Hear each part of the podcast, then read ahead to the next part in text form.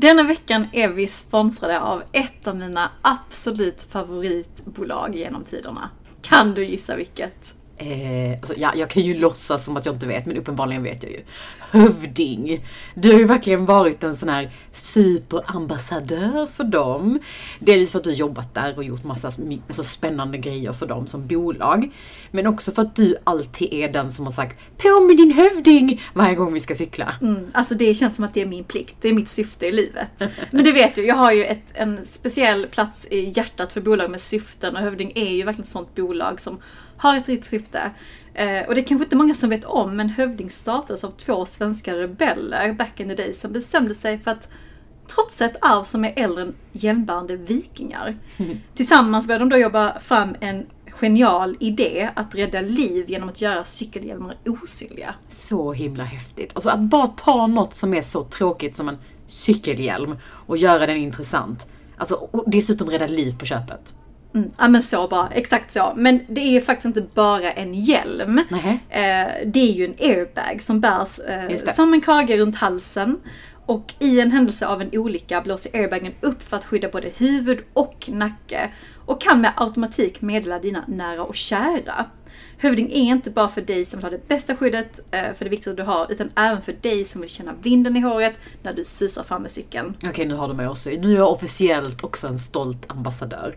Och är du nyfiken på att lära dig mer om hur en hövding fungerar eller bara vill veta mer så kan du göra det på hövding.com. Och du kan också följa Hövding official på Instagram för inspiration.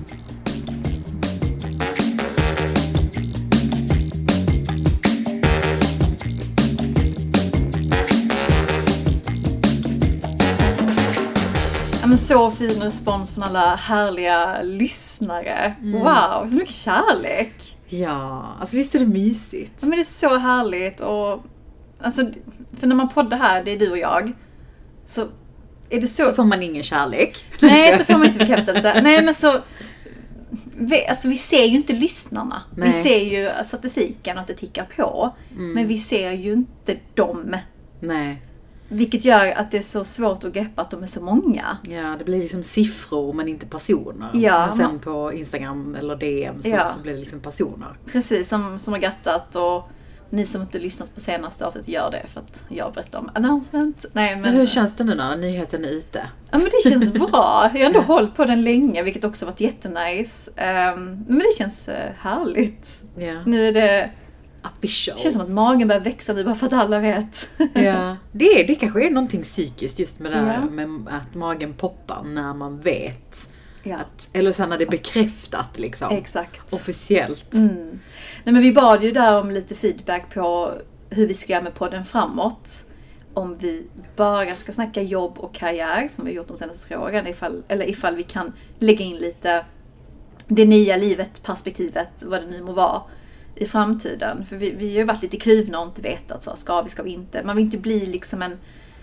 Eller vi vill inte bli en mammapodd för vi är inte, inte där vi kommer ifrån. Men vi fick så bra inspel från många som skrev att det kan vara gött med ett göra karriär som en mamma-perspektivet.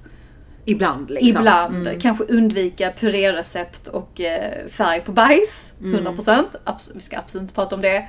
Men att man ändå vill ha det här eh, livspusselperspektivet och allt som hör till kopplat till karriär. Ja. Eh, det verkar också vara många som ändå någonstans vill se lite mer av det privata av oss. Ja, och det är ju en del, nej men och det är ju en del utav livet, tänker jag. Alltså, mm. Alltså, hur det är med relationer, hur man får ihop det, du vet hela den här biten ja. som du är inne på, livspusslet. Ja, och det kommer det säkert bli. Eh, men kul, tack för att ni delar med er. Det, annars vet man ju inte vad man ska ta fram för innehåll. Nej, och, och det är faktiskt en, jättemånga, det är några som har skrivit så här, och jag hoppas att ni ska fortsätta podda och det ska vi ju. Ja. Eh, så det, det är inte, tanken är att vi ska fortsätta podda. Vi, vi är bara lite så här um, du vet, när man, eller jag är lite så här, när man eh, inte riktigt vet så vill man inte lova för mycket. Men mm. som det känns nu och som allting är nu så kommer vi fortsätta podda. Ja, 100%. Hoppas vi får snälla bebisar.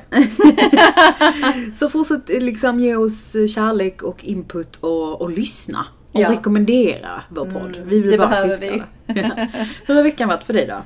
Ja men bra. Nu är det torsdag när vi spelar in. Extremt regnigt. Eh, Alltså det är nog Malmös tråkigaste dag idag. ja, Det var länge sedan. Malmö såg så här grått ut liksom. Ja. Och jag vaknade upp grumpy i morse. Och då är jag lite med dig och tjejerna i gänget. För jag drömde att jag skulle hosta en tjejmiddag. Och ni skulle komma till mig och det var bestämt. Mm.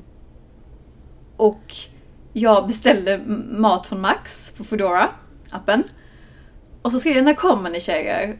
Och så började ni facetimea mig när ni står och lagar mat hemma hos dig. Och då grillade ni kött. Jag vet inte varför, kött var med. Jag Ja. in på det. Ni grillade kött och det var värsta kockmössan och förkläde. Och jag bara, men skulle vi inte ses hos mig och äta här? Och ni bara, nej alltså vi tänkte vi sätter igång tidigt för vi är hungriga. Så jag bara, vad gör jag med sex hamburgare då? Så sex eh, originalmenyer. Så jag blev typ skitsur på grund av det. Vaknade upp i morse skitarg bara och tänkte vad fan gör jag med dessa hamburgare menyer? Eh, Har det vad- suttit i dig hela dagen idag? Nej jag släppte det. Jag har anat en liten ton från dig Nej, hela nej, dagen. nej, nej. skojar. Eh, och sen så eh, rullade upp eh, persiennerna så bara jag att det är liksom nästan mörkt. Alltså det är så pass grått att det är mörkt.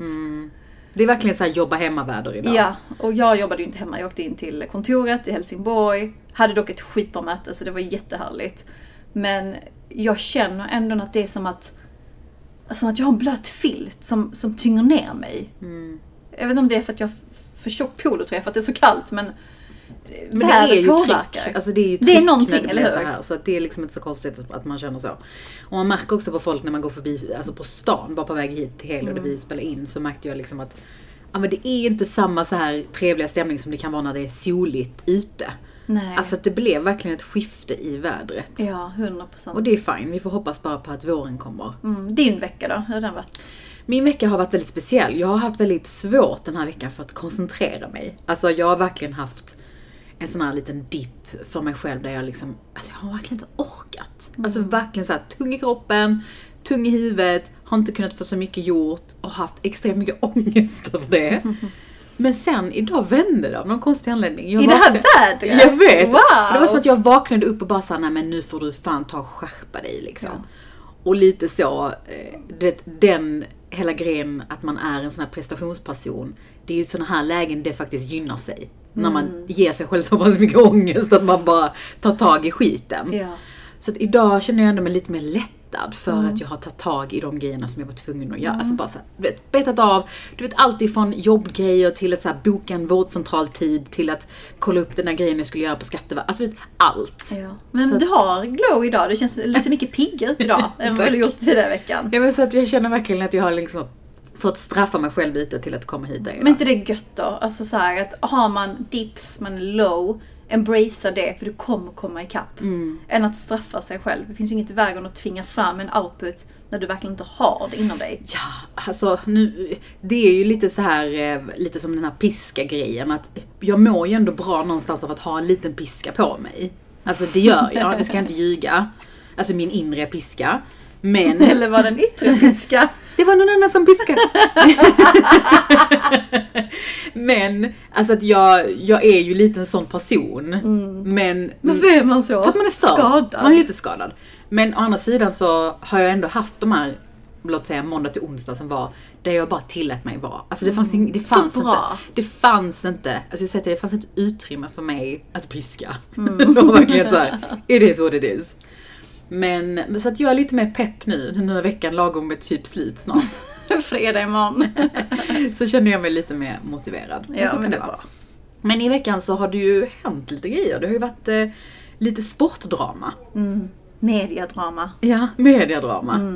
Janne Andersson, som är förbundskapten för svenska landslaget. Mm. Som vi har hyllat i podden. För hans ledarskap och liksom att han är så osvensk, tror jag till och med vi har sagt vid något tillfälle. Ja. Att vi gillar att han är liksom rak och ärlig i sin kommunikation och sådär. Han har ju trampat i klaveret. Japp. Han har gjort bort sig. Ja, kan du berätta lite vad- som... Ja, men det som hände var att efter deras 5-0 vinst så kom han in till den här press... Eh, inte presskonferensen, men till, till det här... mm, Vad säger man? Så här studio. Ja, typ. livesändningen. Eh, där han eh, träffade fyra experter slash eh, journalister som vill intervjua honom efter vinsten och ställa sina frågor, vilket med all rätt som granskande journalist så är det ju ditt jobb att ställa frågor. Ibland passar de frågorna, ibland passar de inte, ibland de är granskande, ibland kritiska. Det är deras jobb. Och, och då finns en expert, jag tror inte han är journalist faktiskt, men det kan vara att han är det. Men man titulerar honom som expert Bojan. Som ställde en fråga varför en spelare inte fick mer speltid än åtta minuter. Och jag tror någonstans att Janne som varit ganska kritiserad eh, förväntar väl sig kanske lite mer hyllning och klapp på axeln efter den här vinsten. Han tänkte typ nu äntligen Ja, ska jag få prata om bra grejer. Exakt och vad som händer härnäst och hur vi ska liksom preppa. Men, men han fick ju frågor som sagt och hade taggarna utåt från första början. Alltså hela hans energi var ju taggarna utåt. När han insåg att han inte kommer få liksom den här klapp på axeln. Ja. Och eh, nej men han säger ju, han har ett väldigt aggressivt kroppsspråk. Han gestikulerar, du vet, drar handen så, nej, pa- pallar inte lyssna på dig, typ. Ja men lite den attityden och, och, och säger... eh, Han är aggressiv. Nu minns jag inte exakt vad han sa. Och, och det som hände var att, Det blev liksom ett tjafs Det i studion. tjafs. Mellan Bojan och Janne. precis, och, och där skon klämde rejält var ju när Bojan säger, jag ställer bara en fråga, du representerar 10 miljoner personer. Han menar då att du måste kunna svara. Det är ditt jobb. Janne då svarar tillbaka, och vem representerar du? Och då drar man det här rasistkortet och det är ju där debatten har varit ganska mycket att hur kan Janne ifrågasätta vem han representerar? Är det bara för att han har ett ut, utländskt namn och utländskt påbrå? Det Janne menade egentligen var så här, men vem är, vem är ni att ifrågasätta mig som förbundskapten? Är ni tränare? Är ni elitspelare? Är ni, har ni haft liksom mm. mina skor? Det är det vi förutsätter att han, han menar. Ja, och det är väl det som han har också sagt. Ehm, och det är så intressant för att man ser det från olika perspektiv. Jag ser det från det här perspektivet att han menar mer utifrån kompetens och profession. Vem fan är du? Vem representerar du? Exakt, håll käften. Medan jättemånga ser det som ett, eh, som ett rasistiskt påhopp. Ja. Så det är två perspektiv. Ja. Och det har ju också blivit en sån himla stor grej i media. Alltså även om man inte är så här, följer fotboll eller har liksom koll på alla Nej, de men här hela TikTok är ju personerna. Janne nu. Ja men det, det liksom har ju verkligen blivit en grej. Och det jag tycker är så intressant med att det här överhuvudtaget har liksom blivit så stort. Det är ju lite för att det är ju första gången vi ser en person i ledarskapsposition tappa det. Ja, flippa. Flippa. För det händer ju väldigt sällan i liksom svensk politik eller svensk liksom media sammanhang där någon tappar det. Mm. För det var så uppenbart att det som hände där och då, det var en person som inte mådde bra. Där, alltså han mådde, han, Han var ju inte bra. pressad. Han är pressad, han, eh, det, var, det var nerv som var väldigt känslig för honom och att han inte kunde, han kunde inte kontrollera sig. Alltså det var verkligen bara som att han bara mundigare Mm. Vi liksom. kan spela upp det här klippet när han säger det. Ni är fyra mot en. defensiv. Ni står fyra man och ska konfrontera mig med frågor. Men det vi inte- Fy fan vad det har vi dåligt. inte gjort, Janne. Tack för idag. Vi ses en annan dag. Hej hej. Det Alltså, Nej, det, men- nej men hej då, tack för, och så, så, tack för idag. Så ändå är det så jävla Och så vinkar han. Att säga tack för idag och sen säga hej då när man precis har flippat på liksom national TV. Och vinkar! Ja, så handen tack för idag. Nej men alltså jag tycker ju verkligen att han har fått så orimligt mycket skit. Ja. Eh, jag tycker att det är helt rätt att han har bett om ursäkt och helt rätt att han liksom backar och säger att I had a shitty day. Ja. Men liksom, du vet, dra massa rasistkort och du vet att man börjar liksom Han ska avgå. Han ska avgå, så här, avrättning. Folk bara drev, du vet så här, hoppa på båten. Men jag tycker tvärtom, jag tror till och med jag skrev det till dig när vi pratade om det på sms, att jag sa Alltså fan vad gött att se en människa reagera. Ja, äntligen bara släppa på trycket. Alltså fattar du? Jag vill bara säga det till liksom alla människor där ute som är i någon form av ledarskapsposition. Ja, man ska hålla masken, ja, man ska vara professionell, man ska inte börja kalla folk för saker. Man ska inte kränka ju, någon. Nej, det finns ju en gräns. Men det är faktiskt också väldigt nice med människor som är såhär, jag har, alltså jag, jag reagerar. Det här är en reaktion. Och sen ber om ursäkt. Mm. Alltså det är mänskligt och det är, alltså vi måste kunna tillåta det utan att vi ska slakta folk och tvinga dem att avgå. Jag, vet inte, jag vet inte hur det är utomlands men det känns som att där är det lite mer tillåtet att reagera. Ja. Alltså det ingår i paketet liksom. Har du inte sett liksom, till exempel brittiska parlamentet? det, där, där är ju hela grejen att reagera. Eller också liksom om man kollar, nu finns det så exempel från grekiska vet, politiker som typ Slovan och så. Det är överdrift. Men jag tycker ändå att det finns någonting så här lite befriande. Mm, precis. Men att man ändå har självinsikt och faktiskt ber om ursäkt. Han tog till och med upp att hans fru hade sagt till honom att det där var inte okej.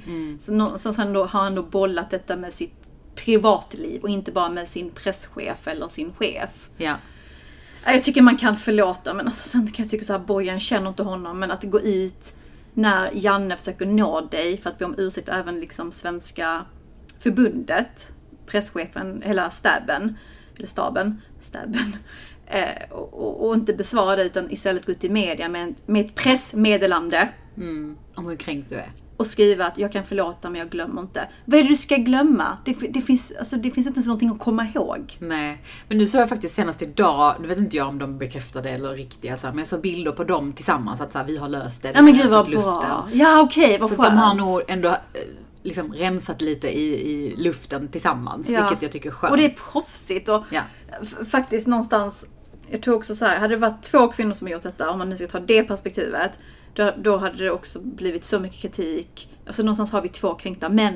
Alltså oavsett om de gjorde rätt eller fel, eller båda gjorde fel. Mm. Alltså två väldigt lättkränkta män. En man som ville få hyllningar och en annan som hade en smärtkropp. Ja, men alltså, jag måste bara dock säga att det finns någonting extremt triggande när någon typ så antyder att du inte gör ditt jobb. Ja, jag fattar! Jag fattar det, jag hade också reagerat. Om Ja. någon i liksom, nu kanske inte jag hade reagerat i här, national TV i det perspektivet när jag är förbundskapten. Men jag kan förstå att man trycker på någons nerv när man är såhär, du det ingår i ditt jobb, du har liksom inte, du vet alltså lite den. Ja, eller så här när man har gjort någonting och faktiskt gjort någonting bara, varför tänkte du inte på detta? Man bara käften. Ja, men för det händer ju att, att chefer och kollegor ifrågasätter en. Men Ja, jag, det händer det här, didn't know. nej men just det där med att det är triggande. Mm. Och är, har man då gjort en slutleverans och är färdig med ett jobbigt projekt, man är jävligt pressad fortfarande. Absolut. Den stressen har inte släppt. Så att Janne, det är helt okej att reagera. Du kanske bara ska tänka på hur. Men till veckans ämne Money, money, money, money. som ni har väntat på. Money. Nej men det är ju löneförhandlingsdags och det är ju väldigt, väldigt speciella tider. Mm. Ehm, vår generation har ju aldrig varit med om en lågkonjunktur på det här sättet i arbetande Nej. ålder tänkte jag säga. Jag tror inte vi vet hur man löneförhandlar i en lågkonjunktur. Nej, så det är ju den vi ska lösa med det här avsnittet hoppas vi. Ja. Mm. Men det är ju en del som har ändrats sen sist vi pratade. Vi har snackat om detta kanske tre gånger på podden de senaste, eller de senaste, de tre åren vi har poddat. Också en fråga som vi fortfarande får, tro- trots att vi pratat om det så mycket. Så det Ja. är ju ett allmänintresse. Precis, och man kan alltid backa bandet. Men jag tror att nu har vi ett annat läge. Vi kanske inte har exakt samma tips. Vi hade ju ett eh, hon-event med Meritmind, ett rekryteringsbolag för ekonomer. Där eh, den ena headhuntern sa väldigt intressanta grejer. Vill du dra den? Ja, men jag minns det bara som att hon så här kommenterade att Ja, i vanliga fall så hade vi liksom så här sagt det här, men nu är läget lite annorlunda och det måste vi faktiskt tänka på att när vi kanske ska gå till nästa jobb eller när vi ska gå och löneförhandla så har vi ett annat läge att löneförhandla från. Och att liksom det är det perspektivet man måste ha med sig. Man kan inte hela tiden bara tänka på sig själv. Exakt, jag, jag, jag. Och Ja. Vilket är naturligt för att man vill alltid maxa, man vill alltid maximera sin egen nytta och så vidare. Och vi millennials är ju hur bra som helst på att tänka på oss själva. Så jag tror att det här kan vara väldigt nyttigt för oss att höra. 100 procent. eh, nej, men vi bollar ju även detta med den digitala karriärplattformen Yours som vi haft med i podden. Eh, ska jag säga att det är ett reklamsamarbete? Jag gör det för att ha det på det torra. Ja, men gör det. Ja. Mm. Eh, nej, men jag frågade Kristoffer där för att jag ville få lite ex- expertinput som ändå sitter och bevakar dessa viktiga frågor. Hur ser det ut? Och han sa ju det att vi har ju en liten konflikt för att de stora kollektivavtalen löper ut imorgon, 31 mars. Nu släpps detta 3 april. Eh, där vi har liksom LO och facken som vill ha en 4,4% i ökning. Medan Svenskt Näringsliv vill ha 2,2. Så det är Klassisk 2,2% nivå som man har hört sedan man började jobba. ja men eller hur, dessa siffror känner jag igen. Jag bara, har det inte hänt mycket Men jag måste mer? bara säga kopplat till det, för att de här 2,2 procenten eh, har ju tidigare alltid i alla så här, eh, lönesammanhang stått vi eh, liksom följer kollektivavtal och, eh, i, i linje med inflationen 2,2. Men nu har alla tagit bort just den här inflationsbiten, för nu är det inte i linje med inflationen. Nej, då hade det varit mycket mer. eh, nej, men det är ju ett intressant läge med med just det här med inflationen. Vi ska inte gå in på tipsen, men jag vill bara ta upp det i och med att du nämnde det. Att eh, det var tips som Kristoffer på yours skickade med. Att nämn inte inflationen. Vi är samma skit allihopa. Ja. Det är vad det är. Ja. Lite sånt här med att jag har köpt ny lägenhet. Det är helt irrelevant Mm. för din prestation kopplat till lön och arvode. Alltså jag tänker att bolag just nu har i uppgift att hålla nere lönerna. Alltså Ja. man, jag tänker mig att man har typ ett war room Ja. med chefer där man är så här. Alltså hörni, vi måste hålla detta nere. Ja, detta är maxtaket. Exakt. For reals. Kom inte tillbaka och säga att men Pelle vill ha lite till, snälla lös det. Ja, ja. Nej. Men vad fick du fler för tips då? Ehm, ja, men vi kommer till dem. Ska du hålla jag, lite på dem? Ja, men jag tänker någonstans att Jo men vi kör dem. Ja, Men, så här, det är väl viktigt att ha förväntningar kopplat till din prestation och den feedback du har fått av din chef under året. Alltså samla, samla ihop den feedbacken och det ska man inte göra en vecka innan lönesamtalet utan gör det under året så att det blir lättare för dig att följa upp och ta med de argumenten fast i huvudet när det väl sitter där. Eh, och som, som han sa, blanda inte in inflation i lönerevisionen. Alltså det är inget bolag eh, kan eller ska kompensera för, eh, då det är samma skit för alla. Det är ju helt irrelevant eh, Ja. i, i sammanhanget. Ja. Och det skadar väl kanske en, en person som så gärna vill få upp sin lön, men nämn inte det argumentet. Det är bara, Nej. du skjuter dig själv i foten. Ett tips som han gav som jag tycker faktiskt är väldigt bra, det är att fråga din chef hur, hur hen skulle liksom skatta din prestation. För att ibland kan jag tycka att det, för det ger dig lite så möjlighet att veta vad, hur hårt du kan trycka och Ja, inte. För att om du har en bild av att det har gått så himla bra och du har dina liksom, siffror hos dig och du har allt i, i din väg och din chef inte alls har den bilden, då kommer ni liksom inte kunna förhandla överhuvudtaget. Smart. Så det är ju väldigt bra tips där att faktiskt fråga chefen innan du börjar liksom komma med dina argument som du har samlat på dig. För bekräftar chefen allt det du tänker dig, då kommer du gå in där med ett enormt självförtroende. Ja, vilket exakt. bara är bra. Ja. Mycket bra tips. Eh, nej men såklart, man vill ju maxa lönen eh, som alltid. Men i dessa tider, fundera på hur du kan maximera din inkomst på andra sätt. Eh, många, alltså det kan ju vara att man sitter på en bra kompetens där man kan side hustling. Det vill säga att du konsultar vid sidan av ditt jobb som du kan ta betalt för. Eh, och det, det, detta är någonting man måste cleara med sin chef så att det inte är konkurrerande och så att man Såklart. får lov att göra det. Men att du gör det på kvällarna och helgerna ska ju inte vara ett problem. Nej, och det tror jag vi är det som är kanske mest unikt för den situationen vi står inför här idag. Att det här året kanske inte är det här året där du maximerar din lönerevision. Alltså vi får, måste vara liksom lite rimliga i den. Ja.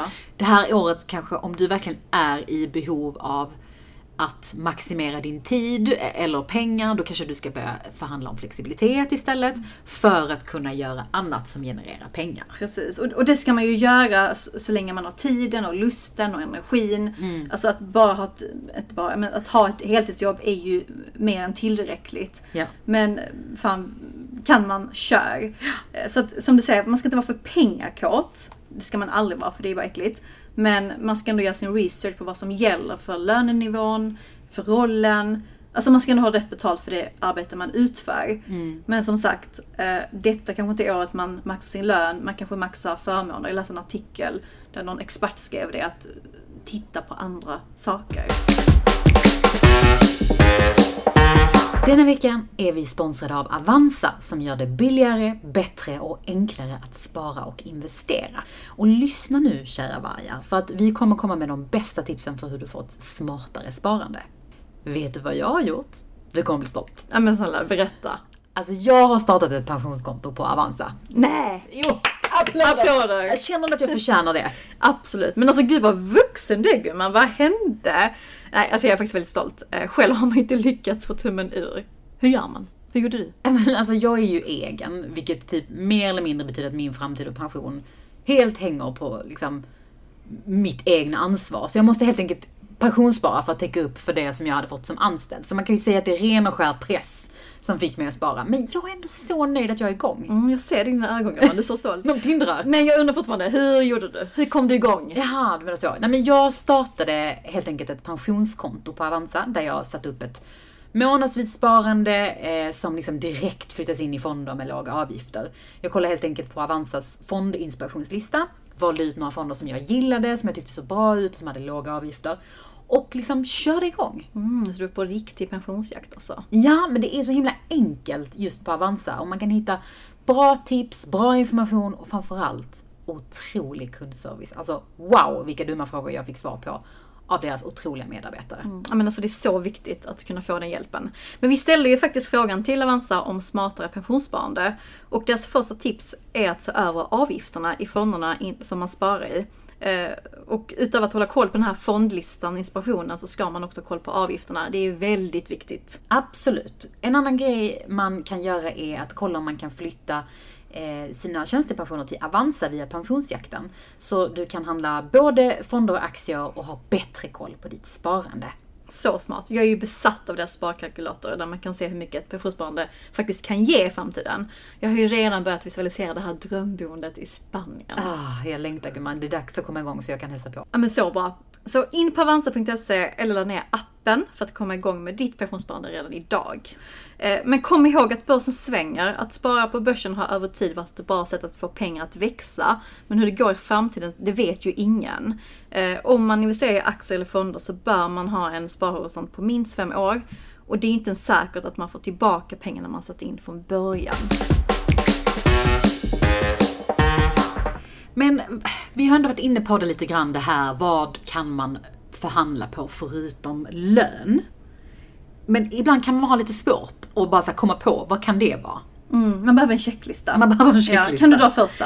Ja men det som jag tycker är en sån här sak som man man hör folk prata om och sådär, men, men man kanske aldrig själv vet riktigt hur man ska lägga upp det. Det är ju den här utbildningsdelen. Mm. Och jag tycker att det är extremt smart att se det här året som en möjlighet för dig att kanske påkosta dig en lite dyrare utbildning. Mm, kompetensutveckla. Ja. Mm. Det stod faktiskt också med i den här artikeln jag läste. Så Ja. det, du är spot on. Och, det, och det, som är, det man ska tänka på när man väljer då utbildning, delvis så är, är det ju, det finns ju många utbildningar som kostar, som du annars aldrig hade betalt, typ så här 20, 30, 40, 50, ibland 100 liksom lax i månaden. Utan det är arbetsgivaren som kan göra det eh, och det finns skatteförmåner kring det. Fundera på, liksom, delvis ska det vara relevant för din roll som du har idag. Så du kan inte komma med så här, jag vill gå en floristutbildning om du är ekonom. Vad kul det hade varit. Nej men det kanske man tänker att man kan göra, men utan det ska ändå vara relevant så att du behöver ha argument för varför du har valt just den utbildningen Ja. när du kommer med det här förslaget. Och sen, en annan sak är ju att tänka på, vad har du inte idag? Alltså vad kan du till exempel lägga på ditt CV sen? Att, ja men okej, jag har lärt mig, fan vet jag, SEO, max, Ja. jag vet inte vad det kan vara. Men liksom någonting som breddar dig även för andra jobb. Mm. Smart, så strategiskt. Så det, det tycker jag är en, en klockren grej som man faktiskt kan förhandla på. Vad har vi mer? Ja, men jag tänker även den här flexibilitetsfrågan. Ni har ju covid drivit den här transformationen att vi kan jobba hemma. Men det är också många bolag som eh, har en policy att nu är vi back to, to normal. Så det är fem dagar i veckan som gäller. Så har man lite långt från jobbet eller bara känner för att vill inte jobba varje dag på kontoret, att man kan förhandla kring det. Kanske jobba från kontorshotell, kanske jobba hemifrån någon dag i veckan. Att man ser över liksom var jobbar jag någonstans, om det nu är viktigt för dig. En annan sak jag tänker på är semesterdagar. Den har jag använt innan på tidigare jobb där jag har försökt förhandla kopplat till den. Jag har inte fått den lönen jag har velat. Ja. Att jag har haft det som en plan B. Det är ju fan guld värt om man kan få några extra dagar. Ja men det är ju skitbra och alltså Det beror såklart på vad man har för typ av bolag eller relation med sin chef till och med. För det finns, jag har faktiskt någon gång gett mig på semesterdiskussionen i en dialog och då har chefen varit rätt så hård och sagt att vi har lika semester här på det här företaget. Och sett det lite som att så här, det är så vi har det här. Fine, I get it. Eh, så är det absolut inte på alla bolag. Men jag kan tycka så här att ibland kan man ha vissa överenskommelser med sin chef bara oss emellan. Eller hur? Det behöver, det, nu förespråkar jag inte det, man ska såklart alltid ha kontrakt på allt och du vet, ha det skriftligt och du vet så här. Men ibland kan det vara så här, är det okej okay att jag en gång i månaden går på den här utbildningen utanför, floristutbildningen som jag nu vill gå på?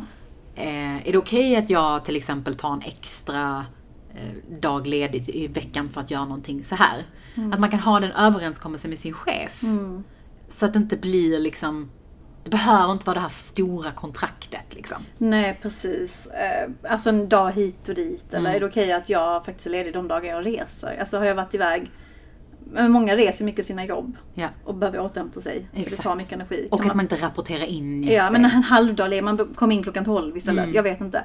Ja, men just det, det, det ger mycket livskvalitet. Det är ingen siffra på lönekuvertet, men det är ändå, vi ska inte glömma bort dessa mjuka värden. Exakt. Mm. Sen kan man ju också titta på liksom förändringar i arbetsbeskrivning.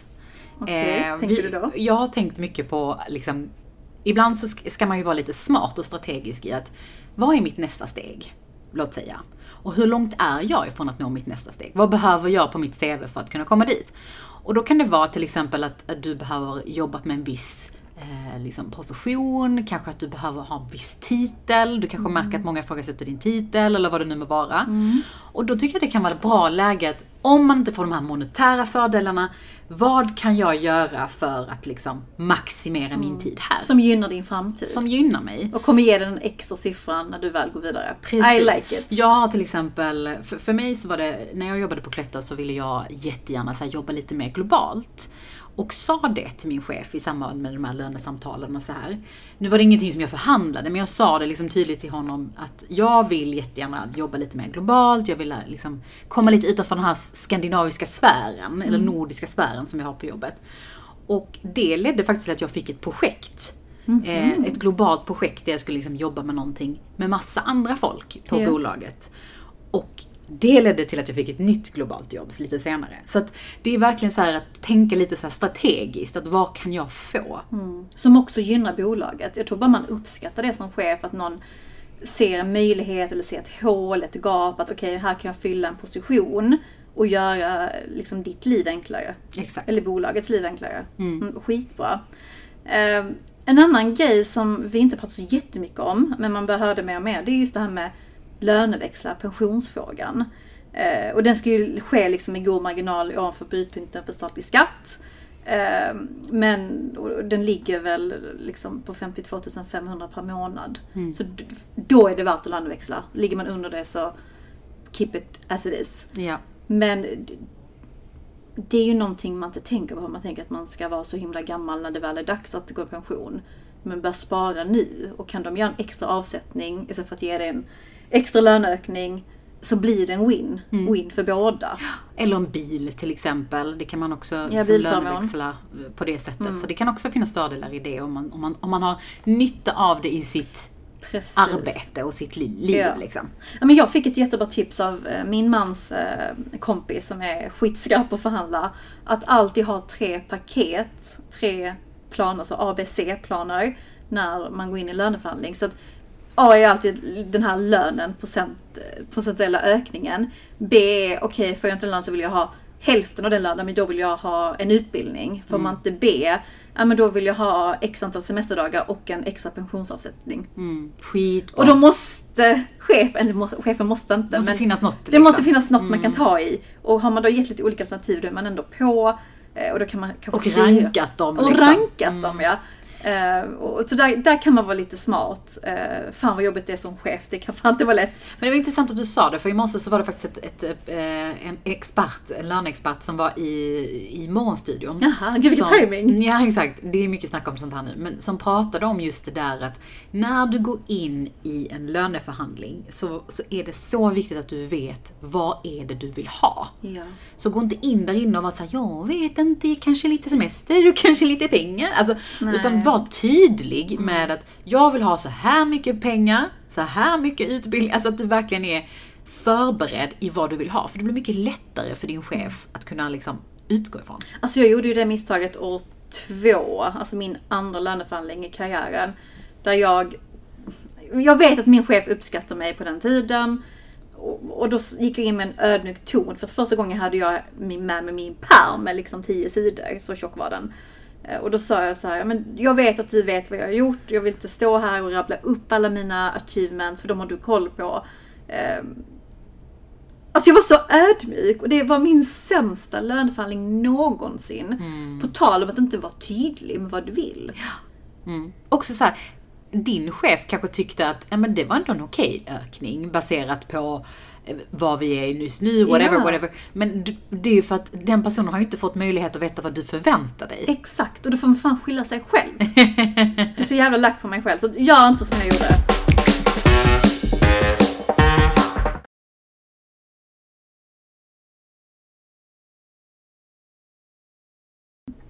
Som chef då? Alltså när man tänker liksom andra sidan bordet, vad ska man tänka på när man är i löneförhandlingssituations? Ta ett djupt andetag.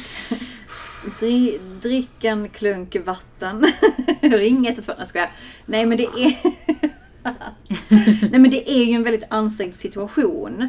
Och där tror jag som chef att man ska ställa krav på organisationen att ge konkreta riktlinjer kring revisionen till alla chefer. Vad är det som gäller? Mm, vad säger vi nu liksom? Exakt. War room. Ja, precis. Eh, och faktiskt ta dialogen, på tal om var med anställda om förväntningar och läget. Hur ser det ut för oss? Ja. Hur ser forecasten ut? Omvärlden och så vidare. Även där kanske man inte ska Ja, men jag tänker inflation och sånt. Alltså man kanske inte ska skylla på för mycket omvärldsfaktorer utan mer utifrån vårt bolags eh, situation. Ja, Så man inte bara skylla på kriget i Ukraina. nej. Det, man, måste ta, man måste förstå kontexten. Ja, absolut. Och jag tror att det kan också vara så här, en paradox som jag ofta möter när jag är ute liksom på, jag, även om inte jag löneförhandlar så hör jag ju väldigt mycket diskussionerna. Så är det ju just det här med att även om vi har en omvärld som är bajsig just nu av olika anledningar, så tittar man ju alltid på sista raden för bolaget. Exakt. Man tittar ju på samma, fast det går ju ändå bra. Eller den där nya renoveringen som vi gjorde i, det hade inte vi behövt göra. Eller den där nya marknaden vi ska in i, varför ska vi göra det nu? Du vet, så, här. så jag tror att man behöver vara supertydlig utifrån bolaget. Exakt. Alltså varför gör vi de här valen vi gör nu? liksom. precis. Så att man förstår. Mm, och det är alltid bra med tydlighet. O- Oavsett om man befinner sig i eller utanför lönesnacksrummet. Eh, jag tycker man ska också undvika argument som jag vill ge den högre lön men jag fick inte. Alltså det hjälper inte mig på andra sidan att du vill. Ja. Utan håll dig till vad jag får och ja, motivera varför man fått den lönen man har fått. Exakt. Ehm, Och det, det är ju såklart skittufft att vara på andra sidan. För jag kan också tänka mig så här, även, vi har ju själva varit där, men så här, man vill ju själv också ha en bra lön. Alltså man Ja. förstår ju sina anställda. Ja. Alltså man förstår sitt team och man vill ju jättegärna premiera de som har varit superduktiga. Och det är ju skitbra. Så därför tänker jag att precis som vi har varit inne på tipsen kring hur man kan förhandla kring annat än lön, så är det bra att som chef också fundera på vad kan jag ge mina anställda? Förutom lön. Mm. Så fundera även du på så här, finns det utbildningsmöjligheter som du kan typ lägga in Ja. om inte din, eh, din anställda har tänkt på det. Eller finns det någon annan liksom förmån i form av ledighet som du kan fråga efter? Kan Mm. vi hjälpa dig på något sätt? Ställ gärna frågan så här, okej vet du jag kan inte ge dig pengar men jag kan hjälpa dig kanske med tid. Här, vad har du drömt om att göra? Exakt. Så. Det är skituppskattande. Och, och vi snackade om pension innan. Istället för att säga "Ja, men jag, du får x procent ökning. Utan säga så här, vi kommer ge den här ökningen i pensionen. Eh, eller vi föreslår den. Vilket innebär att du kommer ha 900 000 extra. En miljon. När du, alltså sätt det i en kontext. För att Ja. just nu känns det så långt ifrån. Så Man då- bara får bry sig, typ. Ja men så här, en procent, okej tack. Men Ja. sätt det i en kontext och jobba med retoriken, alltså tydligheten. Ja. Paketera det. Eh, som du säger, ställ frågan hur kan jag hjälpa dig? Något du drömmer om. Mm. Alltså var lite drivande i den frågan och paketera det och gör det enkelt för medarbetare att inte bli för omotiverad. För det är ju också det att ehm, man vill inte tappa engagemang Mm. i sådana här lägen. Nej men jag tycker att det är skitbra. Och sen är det ju, jag vill också bara så här, ge en liten så push till alla chefer nu också som har, står inför det här. Som måste vara den här mellanvägen mellan så här bolagens direktiv och de anställda. Ja. För att men det är ju, det, alla är missnöjda i den här situationen. Det är, kommer vara så många anställda som tycker att det här är bajs och, som, och så kommer cheferna tycka, eller så här, bolaget tycker att vi har betalat alldeles för mycket lön. Exakt. Så att det är en jävligt pissig situation att vara i. Så försök att gå in i de här förhandlingarna och inte ta saker personligt. Mm, Gör faktiskt- ingen Janne. Nej men gör ingen Janne. Men sen tror jag också så här att, att kravställ uppåt, skapa forum, be om stöd om det blir för ansträngt. För det kan det bli dessa tider. Och du som chef har rätt till den uppbackningen. För du är fortfarande medarbetare. Två frågor på Instagram kopplat till lön som jag tänkte vi tar upp.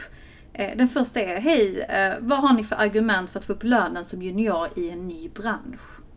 Mm.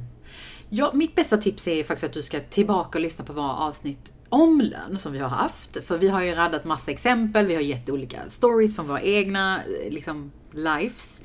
Eh, om du inte redan gjort det. Men generellt kan man väl säga att att förbereda sig väl är väldigt viktigt, vi har varit inne på det. Ha med notes, vad är det du vill förmedla? Pärmen. Pärmen på dina prestationer. Och liksom var tydlig med vad du faktiskt vill ha. Eh, fokusera på att liksom lyfta din prestation, konkreta saker som du har bidragit med som har genererat värde, gärna numeriskt, typ så här, så här många procent har jag kunnat göra om du kan. Eller för något form av försäljningsvärde, någonting som, som har kommit till bolaget utöver dina arbetsuppgifter.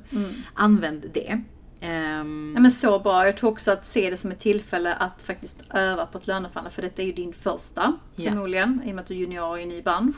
Eh, och det kommer inte vara din sista. Så att se det som en erfarenhet oavsett. Och så hoppas vi att det går jättebra. skitbra. Eh, den andra frågan är eh, vilken procentuell ökning kan man förvänta sig när man har en ny roll på jobbet? När man får en ny roll- på jobbet, tänker jag. Mm. Alltså den är lite svår, för det beror ju såklart jättemycket på vad det är för typ av roll, liksom är det en horisontell förflyttning, är det uppåt, är det neråt, får du mer ansvar? Alla de här faktorerna gör att man inte riktigt kan säga en procent. Ehm, och jag tror liksom att någonstans så är det bästa man kan göra att förklara varför du tycker dina arbetsuppgifter kommer att ändras. Alltså vad är det du kommer göra mer? Eh, och om det är så att din chef säger såhär, nej men du, ja, det här får du se som en möjlighet och så vidare. De här För den har man faktiskt hört. Många gånger. Jag gillar inte det. Nej. Jag tycker som chef så ska man... Jag förstår att man vill vara positiv, men det hjälper inte mig. Att Nej. det är en möjlighet. Jag fattar det själv. Säg inte det. Nej. Men, men om du skulle få höra den, vilket du 100% kommer få någon gång, så tänker jag att det kan vara bra att säga såhär, okej, men vad ska jag ta bort då? För att det är ju också lite så här inte okej att du får en helt ny roll där du lägger till massa saker och så får du samma lönenivå. Så att fun- fundera lite på vad vill du ta bort i så fall? Finns det tråkiga uppgifter som du inte tycker om till exempel? Och sådär. Eh, Men annars tänker jag jämför med kollegor, kolla facket, Skatteverket, kolla vad andra tjänar. Gör din research Ja, så viktigt. på bästa möjliga sätt. Har du andra tips? Nej men jag tror du fick med alla faktiskt. Ja, det kan också vara bra att läsa på tycker jag om man jobbar på stora bolag så finns det ju såna här HACE-nivåer. De kallas lite olika saker men det är liksom nivåer som sätts baserat på Ja men har du den här typen av roll med så här många års erfarenhet så ligger du i det här spannet. Och det kan vara bra att ta reda på det där spannet. Och det kan man fråga, vissa är väldigt bussiga och öppna med det. Man kan också prata med sitt fack eh, eller liksom andra branschkollegor i var ligger man ungefär. För då vet du liksom vad pratar vi om? Vad är jag i det här spannet? Mm, För man vill ju inte lägga sig för lågt och kanske inte heller för högt för det kan bli pinsamt. De bara, alltså det är en VP-lön och du är koordinator. Precis. ja. Eh, sen fick vi, vi bollade ju med Kristoffer på yours kring eh, den här frågan och vi tänkte faktiskt ta upp detta men i och med att han nämnde det så känner jag att vi måste ta upp det för att vi har själva varit i situationer där vi blivit headhuntade, eh, lyssnare har blivit headhuntade och så vidare och, och det kommer ske i framtiden. Men vad ska man tänka när man löneförhandlar när man har sökt ett jobb eller blivit headhuntad? Mm. I en lågkonjunktur. Ja. Och då fick han med tre tips, eller fyra tips. Um, har man blivit headhuntad så är en tillsvidaretjänst utan provanställning en no-brainer. Acceptera ingenting annat. Mm, intressant. Jag gillar den. Ja, för det är en sån sak som man nästan lite accepterat att det är standard, att man går in med en provanställning. Liksom. Ja. Eh, och, men det här kan ju absolut i det här läget där det är kritiskt och saker händer vara så här, jag ska ta en risk när jag går på det här nya bolaget och nya uppdraget. Så att du borde åtminstone kunna erbjuda mig en tillsvidareanställning direkt. Jag gillar när företag eh, kommer med det automatiskt. Ja. Att det är givet. Det är på tal om red flags som vi snackade om för några veckor sedan, eller förra veckan. Eh, att eh, Nej men det kanske kan vara en red flag när bolaget säger nej men vi, vi måste ha en provanställning. Mm. Ja, men det kan vara tips också till rekryterande chefer. Att ett sätt att så här, det är en enkel grej att göra Ja. för någon som eh, eh, där du inte liksom kanske kan ge dem exakt den lönen de vill ha. Exakt, safe upp. Ja, var med. Eh, fråga efter den totala kompensationen och se hur flexibel din eventuellt nya arbetsgivare är. Kan de erbjuda en högre rörlig del och andra förmåner som sjukvårdsförsäkring eller förmånsbil? Mm. Så att man tittar inte bara på lönen, tittar på hela paketet. Helhet. Det är ju en sån sak man inte lärde sig i skolan, så Nej. den vill jag verkligen skicka med. Ehm, denna har du pratat om innan i podden, eller vi båda, men du, jag minns att du sa det. Ja. Den här frågan, vad tjänar du idag? Det är faktiskt en helt ointressant och irrelevant fråga Ja. enligt yours.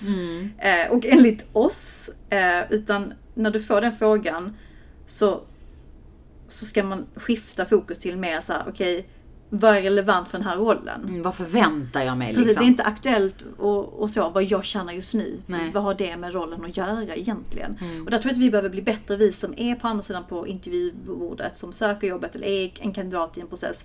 Att vara lite tuffa när vi får den frågan och inte svara, för det är ju oftast det man gör. Mm. Men jag har detta idag. Ja. Nej men precis, det är inte relevant eh, någonstans. Mm. Men sen vill man ju inte vara otrevlig. Alltså, vet, man får väl heller inte vara liksom, en oskön person när man säger det är inte relevant. Eller att man liksom slänger en sån kommentar. Jag tycker Mm. bara man kan vara väldigt, väldigt enkel och säga så här, det är faktiskt inte det som, jag kan säga vad jag tjänar men det är inte det som är det viktiga. Eller jag behöver inte säga det för jag känner att det kommer sätta en nivå. Liksom, Ja, ja precis. Förklara sig. Eh, men var tydlig med att idag känner jag X, men för den här rollen och det ni har berättat och de, det uppdraget med ansvarsområde så tänker jag mig lön på X. Mm. Förvänta mig det här. Exakt. Punkt. Liksom. Bra. Ja men och det är faktiskt skitbra. Eh, vilka många, fan många bra tips. Jag blir ändå pepp så här, jag ska inte löneförhandla men jag blir ändå pepp på att löneförhandla. Ja men man blir ju det. Alltså man blir nästan pepp på att det blir headhunt eller vara en process bara för att Ja. kunna svara på dessa frågor. Men jag vill faktiskt ändå skicka med en sak eh, som också var ett tips från den här morgonstudieexperten som jag tänkte så här, fan det är sant. Det är att det är väldigt lätt i de här situationerna när man sitter i en förhandling, man kanske är missnöjd, man kanske tycker att den ena personen har sagt något olämpligt. Du vet, det blir lite så här dålig stämning. Försök att inte tappa humöret. För att Ja. ingen chef kommer kämpa för dig om du sitter med armarna i kors och har en dålig attityd. Mm, ja. Förstår vad jag menar? Ja, och kommer med onödiga argument som jag eh, jämför med kollegor eller skyller på Ja. inflation Ja. eller skyller på du vet. Hade jag varit en man till exempel. Det Så finns hade- mycket sånt som jag tror att man kan göra när man är besviken. Med all rätt. Mm. Ja, men jag tror som du säger, alltså ditt jobb där är att göra det så enkelt för, för chefen att övertyga kanske sin chef om Ja. att du ska få en lön. Alltså servera det för honom eller henne. Ja, precis. Verkligen. Jag tror verkligen inte att din chef kommer springa den här extra milen för dig om hen upplever att du har så här kass attityd. Ja men snälla, vem vill springa för någon som har en kass attityd? alltså pallar inte. Det är även så hemma. Testa, be om, kan du hjälpa mig Ja. plocka undan diskmaskinen? Älskling. Än, än att, kan du göra detta? Ja, gör det! Gör det. Nej men eh, hoppas, eh, det här var faktiskt ändå ett långt avsnitt. Eh, hoppas det känns okej, men det är ett intressant ämne. tycker jag. ja, som berör oss alla på ett eller annat sätt. Ja, men det här är en sån här grej. Vi är fan ett community. Vi är ett gäng varje här som lyssnar på eh, Off Topic. Och kommer med skitbra input varje, må- varje månad, höll jag på att säga. Ofta. Så vi vill ju gärna att ni delar med av, om ni har knep och knåp eller annat, liksom tips och tricks dela med oss så att vi också kan dela Ja, på för då kan vi förbereda, förbereda, eller preppa varandra. Ja, vi borde ha såhär mm. prepp. So we're in this together. Nej men, men helt ärligt, absolut. Vi, vi gör en fråge, vad det, frågelåda. Och så kan ni skicka in, eller skicka in DM så kopierar vi det anonymt såklart, mm. censurerat. Och reposta i stories. Eh, så får ni bara ta del av de tipsen. Perfekt.